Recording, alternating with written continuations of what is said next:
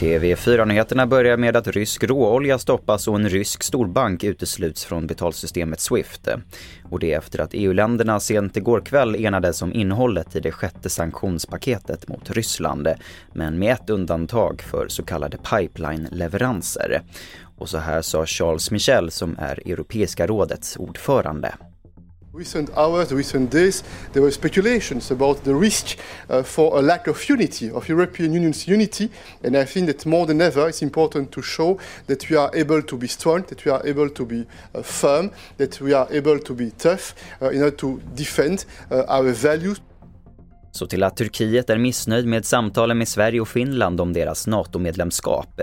Landets president Erdogan ska i helgen ha sagt att de inte nått upp till önskad nivå. Men samtidigt kommenterar statsminister Magdalena Andersson och säger att hon tycker att det varit bra och konstruktiva samtal. Och vi avslutar med att Liberalerna inte längre är det svagaste partiet i svensk politik. Istället är det nu Miljöpartiet med 2,9% jämfört med Liberalernas 3,2. Det visar TV4s väljaropinion för maj månad. Och Liberalerna har vuxit efter bytet av partiledare. Och det får sätta punkt för TV4-nyheterna i studion Albert Hjalmers.